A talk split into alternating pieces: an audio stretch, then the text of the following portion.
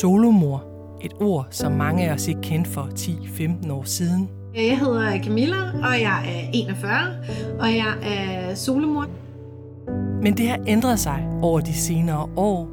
Et stigende antal børn fødes nemlig af en solomor, altså en kvinde, som vælger at gå i fertilitetsbehandling for at få et barn alene, uden en partner. Der er ikke nogen tidsgrænse for at finde en mand, men der er en tidsgrænse for, hvor længe jeg kan få børn. Øh, I stedet for at finde manden og få et barn, så måtte jeg få barnet og finde manden bagefter.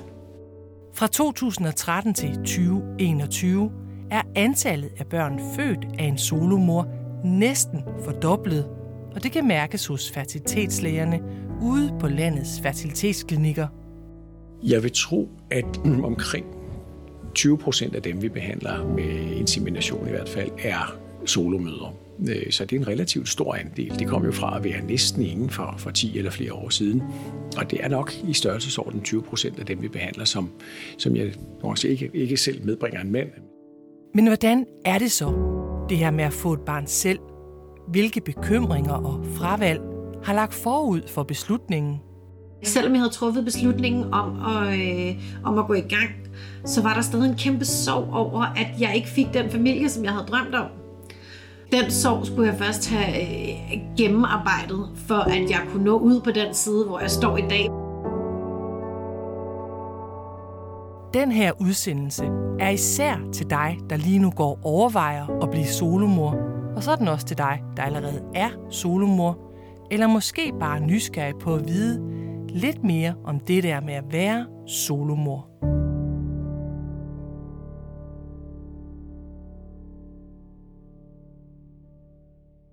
Velkommen til min fertilitetshistorie præsenteret af gravidtid.dk.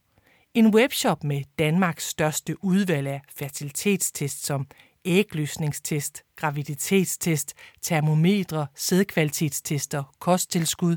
Mit navn er Ditte Banner Christensen, og jeg er medindehaver af gravidtid.dk. Jeg håber, at du vil lytte med den næste lille halve time, hvor det altså handler om at blive solomor. Mm jeg hedder Camilla, og jeg er 41, og jeg er solomor til Alvin på 4 år og Adrian på 1 år. Jeg møder Camilla en vinterformiddag i en hyggelig lejlighed på Amager i København, mens hendes to drenge er i vuggestue og børnehave. Hvor gammel har du selv været, da du starter med at, da du begynder at overveje at blive solomor? 33. Og der var alle sådan, ej, der er masser af tid, og hvor jeg sådan tænker, ja, jeg er kun 33, og i princippet så 33 er 33 jo ikke særlig gammelt, men det er det bare i fertilitetssammenhængen. Jeg havde ikke noget valg, fordi det at, øh, at ikke at få et barn øh, var simpelthen ikke nogen option. Det var ikke nogen valgmulighed i, i min verden. Jeg ville så gerne være mor. Så jeg blev nødt til at lægge alt andet fra mig, og så bare gå for det. Den lille lejlighed er fyldt med legetøj og spor efter de to børn, som hun for syv år siden, som single i midten af 30'erne, blev nervøs for, at hun aldrig ville nå at få. Min, øh, min drøm, det var, altså, jeg er vokset op med Disney-film, og jeg øh, elsker øh, historien om prinsen på den hvide hest og farmor og børn. Altså, øh, de fleste af os sidder jo ikke derhjemme og leger. I stedet for at lege far, mor og børn, når man så leger, man er solomor alene, så leger man, at man er far, mor og børn, og det er det, man vokser op med, og det var også min drøm. Men, men ham der prinsen på den hvide hest, han lød altså vente på sig. Tiden gik, og jeg blev nødt til at tænke længere frem, og så blev jeg nødt til at, øh, at affinde mig med og, øh, at vende rækkefølgen rundt. Så i stedet for at finde manden og få barnet, så vil jeg få barnet, og så kan jeg finde manden bagefter. Hvilke bekymringer havde du om det her med at skulle gå i gang med at få et barn selv? Jeg tror næsten, at det er lettere at spørge, hvilke bekymringer havde man ikke. Fordi der er så mange. Den allerførste tanke, det er, at man tænker, kan jeg klare det? Kan jeg klare det økonomisk? Kan jeg klare det boligmæssigt? Kan jeg klare det sindsmæssigt? Øh, og, og bare praktisk i hverdagen. Øh, det er selvfølgelig ting, der fylder meget. Men jeg vil sige, at en af de ting, som man glemmer at tænke over, der fylder allermest, det handler ikke så meget om, om det praktiske aspekt af det. Det handler om øh, den sorg, man føler om at skulle give slip på den drøm, man havde. Og det var det også for mig. Selvom jeg havde truffet beslutningen om at, øh, om at gå i gang, så var der stadig en kæmpe sorg over, at jeg ikke fik den familie, som jeg havde drømt om.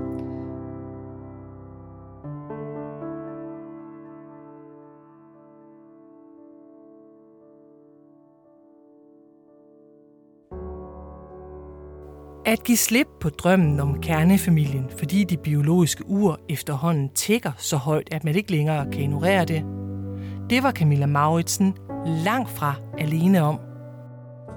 Men jeg tænker, at vi øh, prøver at køre. Vil du ikke lige prøve at starte med at præsentere dig selv i forhold til, øh, til klinikken her også? Jo. Faktisk deler hun historie med mange af de kvinder, som i dag vælger at blive solomor i hvert fald, hvis vi spørger klinikchefen på fertilitetsklinikken Trianglen, der ligger i Hellerup nord for København. Jeg hedder Kåre Rygaard og er speciallæge i gynækologi og obstetrik. Det er ligesom en forudsætning for at være øh, fertilitetslæge i, Danmark. Så jeg er øh, speciallæge her med, med særlig interesse for fertilitetsbehandling og har lavet stort set udelukkende fertilitetsbehandling i de seneste vel 20 år efterhånden. Hvem er den typiske kommende solomor, der kommer her for at få hjælp til at få et barn? Nu skal man jo altid være meget forsigtig med at sige, hvad der er helt typisk, synes jeg. Men hvis jeg alligevel skulle våge et øje og sige, hvem er det typisk, så vil jeg sige, at det er nok en kvinde, som er kommet lige over midten af 30'erne, og som ikke har den partner, hun måske virkelig længe har let efter, eller gerne, sådan set gerne ville have, at få børn med. Og som jo er klar over, at biologien er relativt ubarmhjertig. Den lukker altså meget hårdt ned for fertilitet, når man er et eller andet sted tæt på 40 eller 42. Nogle gange kan det være 40, men, men typisk omkring 40 til 42. Så hvis man kan se, at nu er man blevet, lad os sige, 37, og man har ikke lige den mand eller kæreste, man gerne vil have børn med, hvis man så ikke skal risikere, at naturen ender med at lukke for muligheden, så kan man være nødt til at, at gøre noget aktivt for det. Men noget, jeg da hører mange gange, det er, at deres egentlige mål, håb, havde været at etablere en, en, hvad skal vi sige, en klassisk familie med en far, mor og nogle børn.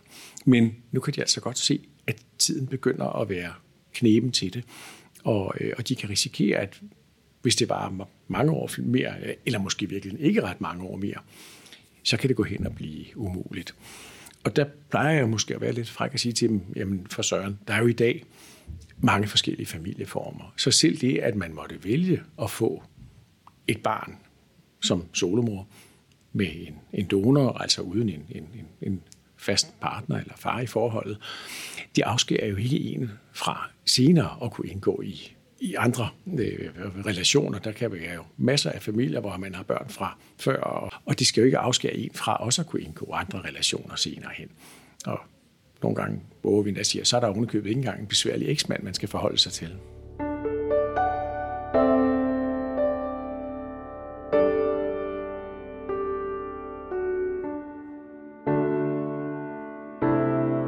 Hvor det måske før i tiden var helt umuligt og senere mest bare tabubelagt at starte i fertilitetsbehandling som enlig kvinde, så er det i dag blevet helt normalt. De seneste tal fra Dansk Fertilitetsselskab stammer fra 2021, og her blev der født 834 børn af en kvinde, som havde fået hjælp til at blive gravid uden en partner. Det svarer til mere end 1% af fødselsårgangen det år, og antallet er næsten fordoblet siden 2013. Hvor stor en andel vil du tro, at dem, der kommer her i dag, er, er kvinder, der gerne vil være solomødre? Jeg vil tro, at omkring 20 procent af dem, vi behandler med insemination i hvert fald, er solomødre. Øh, så det er en relativt stor andel. Det kom jo fra at være næsten ingen for, for 10 eller flere år siden. Og det er nok i størrelsesorden 20 procent af dem, vi behandler, som, som jeg også ikke, ikke selv medbringer en mand. Det er altså noget, der er stedet en hel Ja, det er noget, der bestemt øh, er stedet meget de senere år. Ja. Nogle af dem, der vil sidde og høre den her podcast, det er måske kvinder, der har en overvejelse om, hvorvidt de skal gøre det. Hvilken alder vil du mene, man skal være i, når man skal begynde at overveje alvorligt, i hvert fald at få tjekket sin fertilitet, og måske også tage de første skridt, hvis man nu ikke har mødt den der partner og har et ønske om at, at få børn? Det kan jo være svært at sætte et præcis alder på, fordi det hele med, hvornår man får færre æg, det sker ikke nødvendigvis samtidig. Ligesom Nogle bliver gråhåret lidt tidligere, nogle bliver gråhåret lidt senere, og nogle får altså nogle lidt, hvis jeg må sige det sådan, gråhåret æggestokke lidt før, og nogle får det lidt senere. Men hvis man skulle sætte et, et rundt tal på, så vil jeg sige, at man skal vel ikke være meget over midten af 30'erne. Jeg vil måske sige, hvis man er 37, 38, og, og man ikke har, øh, har børn, og man har ønsker om at få det, så kan det altså være rigtig fornuftigt at, at gå videre. Øh, fordi man kan aldrig helt vide, hvor, hvor mange år, der er tilbage til øh, stadigvæk at kunne. Så pas rigtig meget på med alder, selvom man synes, man er ung i alle andre sammenhænge, på mange måder er det. Så øh, biologien er fuldstændig nådesløs. Den lukker ned der, hvor den hele tiden har gjort. Lige om lidt vender vi tilbage til Camilla Mauritsen for at høre hendes fortælling om at gå i fertilitetsbehandling alene men inden da, så tænker jeg, at vi lige skal snakke lidt om de muligheder, man har for at få tjekket sin fertilitet og komme i fertilitetsbehandling her i Danmark, som enlig kvinde og kommende solomor. Man kan få en henvisning fra egen læge. Så er det gratis at komme hen og få en vejledning om sin øh, fertilitet i relation til, at man har et ønske om at, at blive gravid. Så øh, når man har et fertilitetsønske, så kan vi altså hvad skal vi sige, vurdere tingene, tage de blodprøver, der er brug for, øh, lave ultralydsscanning og øh, komme med et forslag til en behandling. Alt det er dækket med, med en henvisning fra egen læge. Med selve behandlingen, hvis man skal lave, vi kan også lave det, der hedder inseminationsbehandling, med hovedparten af behandlingen dækket fra sygesikringen. Det er dog sådan i vores speciallægepraksisdelen af vores fertilitetsklinik, at der vil man skulle betale selv for den donorsæd, der bliver brugt til inseminationen, og man skal betale for medicin. Man kan faktisk også blive henvist til de offentlige fertilitetsklinikker på de offentlige sygehuse. Der er sådan set samme behandlingstilbud, men der kan man få dækket donorsæden. Man skal stadigvæk selv betale for medicin. Til gengæld kan de have lidt varierende ventetid, som kan være fra få til lidt flere måneder. Så altså, for at riste op, så har man som kommende solomor præcis de samme rettigheder til gratis fertilitetsbehandling som par. For at komme i gratis behandling på offentlige eller private fertilitetsklinikker, må kvinden ikke være over 40 år, når hun bliver henvist, og når hun fylder 41, så er det ikke længere muligt at blive behandlet på hospitalets fertilitetsklinikker.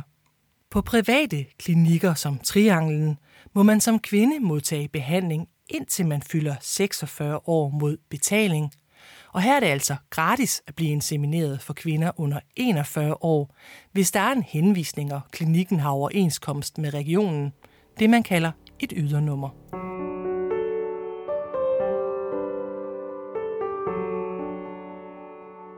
Det allerførste, jeg gjorde, det var, at jeg, øh, at jeg tog kontakt til min læge. Og min læge var heldigvis rigtig lydhør over for det.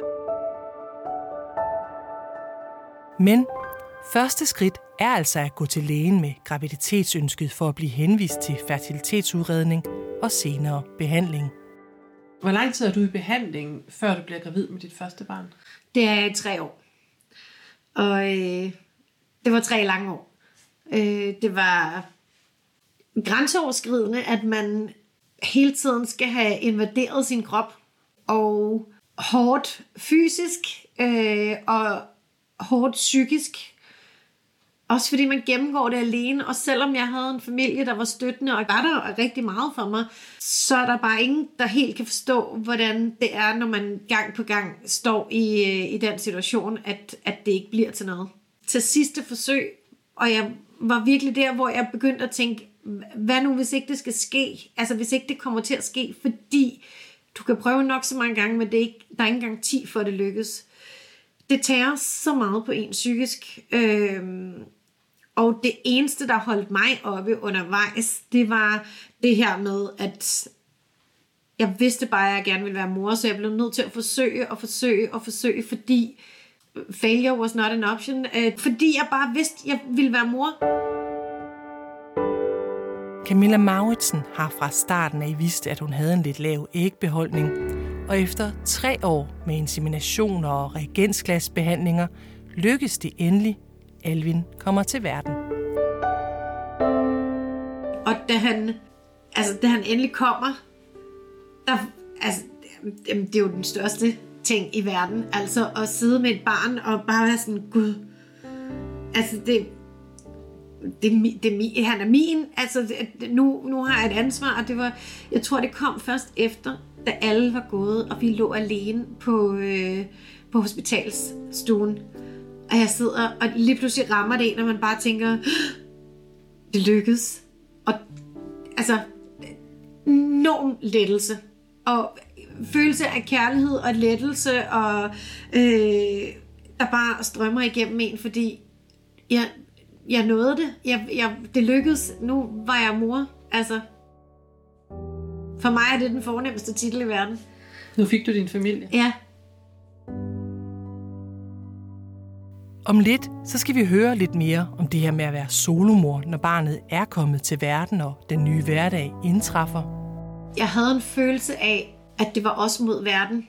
Men først skal vi høre Kåre Rygaard lidt mere om chancerne for graviditet, når man bliver insemineret eller får IVF-behandling. Det er de typiske fertilitetsbehandlinger til kommende solomøder. Generelt ligger chancen for at blive gravid på et eller andet, der ligner 20 procent per gang, man inseminerer. Hvis det nu ikke er lykkedes efter måske tre gange, så vil man tit give lidt hormonstimulation, som skubber lidt til ægproduktionen, så hun måske laver to æg, nogle gange op til tre, for at øge chancen lidt for, at i hvert fald et af æggene bliver befrugtet. Prisen, hvis man kan sige for det, udover at man betaler for medicin, er, at der bliver en lidt større mulighed for tvillinger. Og hvis man ikke er blevet gravid inden for et rimeligt antal behandlinger, det vil typisk være et sted mellem 4 og 6 inseminationsbehandlinger, lidt afhængig af omstændighederne, så kan man gå videre med det, man kalder reagensglasbehandling, som så kan være en, en vældig effektiv måde at behandle på. Reagensglasbehandling går ud på, at man giver en, en øh, hormonstimulation med noget højere doser, fordi nu vil man gerne have kvinderne til at lave inden for rimelighedens grænser så mange æg som muligt, typisk måske en 10-12 stykker. Og de æg kan man tage ud, man får god smertedækning, mens man tager æg ud, så kan man stikke en nål op til æggestokken, suge æg, væsken ud, få æg ud, så man kan arbejde videre med dem i laboratoriet og befrugte dem der med sæd fra en donor. Efter fem dage, så står man tilbage måske med to, tre æg, eller i virkeligheden embryoner, fosteranlæg, af god kvalitet. Og der kan man så vælge et af dem og lægge tilbage i levemoren. Hvad er chancerne for graviditet gennemsnitligt på sådan en reagensglasbehandling? En typisk chance for at få en positiv graviditetsprøve, når vi lægger æg op, ligger et eller andet sted i omegnen af 40-50 procent per gang. Så er der noget frafald desværre også, når vi laver graviditeter til nogle tidlige aborter. Det gælder, når man bliver gravid selv. Det gælder også, når vi laver behandling. Sådan at man ofte vil ende med nogle 30 procent chance for at have en, en levedygtig graviditet. Alle de her tal afhænger enormt meget af kvindens alder. Jo yngre hun er, jo bedre er chancerne, og jo lavere er abortrisikoen. Og når man er op over 40, så er chancerne nok snart det halve af de tal, jeg lige har skitseret. Og til gengæld, desværre, er abortrisikoen måske så den dobbelte.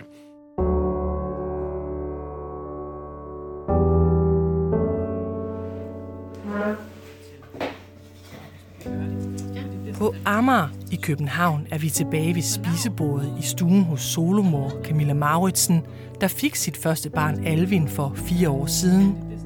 Man kan sige, øh, det her med, når man så er på barsel som alene mor, der er ikke nogen andre, jeg skal øh, forholde mig til, så der kunne gå dage, hvor det var, at vi sådan nærmest gravet os ned herinde, men hvor jeg kunne vende om på nat og dag, fordi mit barn for eksempel var vågen om natten og sådan noget.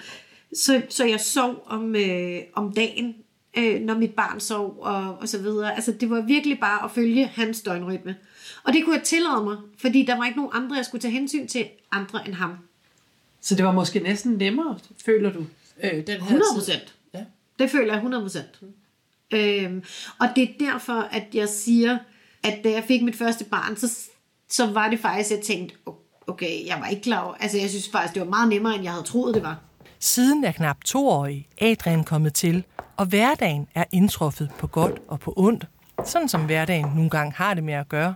Hvilke afsavn kan du have i en hverdag, hvor du står alene med de her to ret små drenge stadigvæk? Helt, helt basic, øh, eller helt basalt ned på øh, øh, lavpraktisk niveau. Så nogle af de ting, jeg synes, der er sværest, det er for eksempel, at når klokken den er 17, så kan jeg ikke gå nogen som helst steder længere. Jeg er tvunget til altid, igen der kommer det praktiske ind i det, og forberedelsen, jeg er tvunget til altid at, at tænke to skridt frem. Fordi jeg kan ikke bare lige gå ned og købe en mælk, hvis jeg har glemt at købe mælk med hjem. Jeg kan ikke bare lige gå uden for døren. Når klokken den er 17, så er jeg bundet til mit hjem. Og, og det er jeg indtil næste morgen.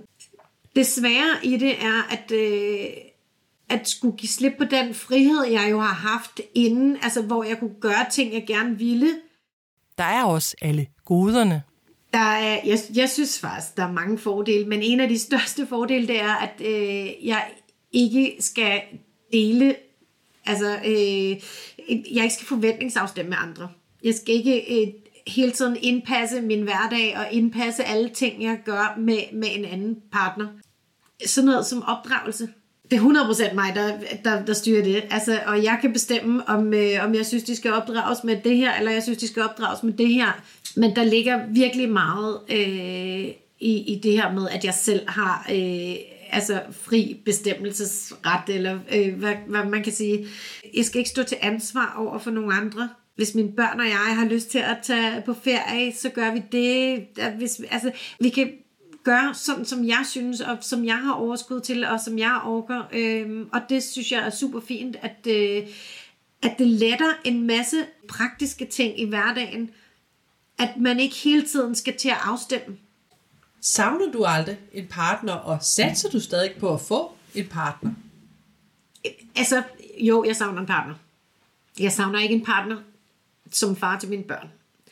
Jeg savner en øh, partner til mig, som, altså, du ved, jeg savner for sommerfugl i maven. Øh, og, og det kunne jeg godt tænke mig. Øh, lige i øjeblikket er det lidt svært, fordi jeg har så små børn, så jeg kan jo ikke bare gå ud på dating. Og øh, jeg er 100% overbevist om, at jeg en dag nok skal finde en, som kan være en del af vores familie. Men det vil bare altid være en anderledes konstellation, end det jeg, øh, jeg troede, det ville være tidligere. Fordi jeg skal ikke finde en far til mine børn.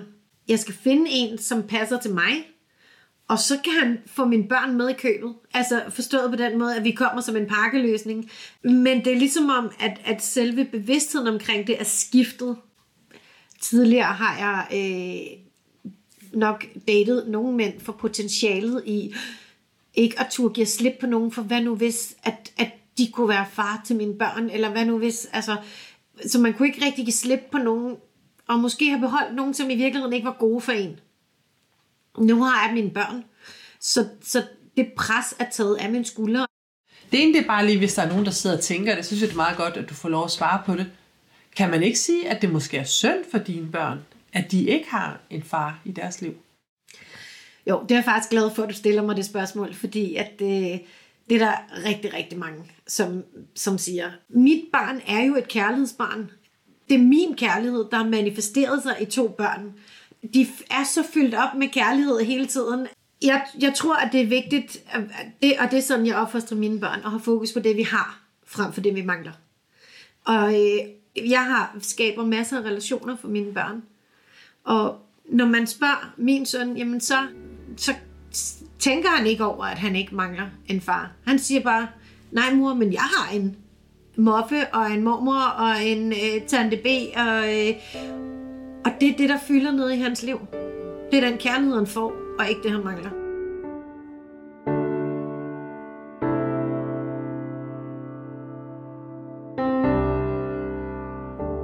Vi er ved at være nået til slutningen af den her fortælling om solomorskab – du har lyttet til podcasten Min Fertilitetshistorie, som er præsenteret af vores webshop gravidtid.dk, der har Danmarks største udvalg af graviditetstest, ægløsningstest, sædkvalitetstest, termometre og kosttilskud til dig, der gerne vil være gravid.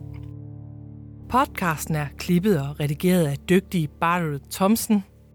Jeg vil snart vende tilbage med nye podcasts om andre fertilitetsemner – Indtil da, så mange tak, fordi du lyttede med. Jeg vil lade solomor Camilla Mauritsen runde historien af med de her ord.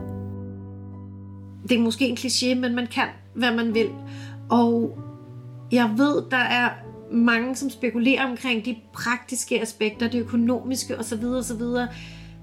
Op i mit hoved, der kører der en konstant sætning, som er, man finder altid en udvej. Det er først noget, jeg har fundet ud af selv som mor, at de udveje, man finder, kommer først, når man står i situationen, så det er slet ikke noget, man kan tænke sig til inden. Så rolig. Der, der, der vil altid findes en udvej.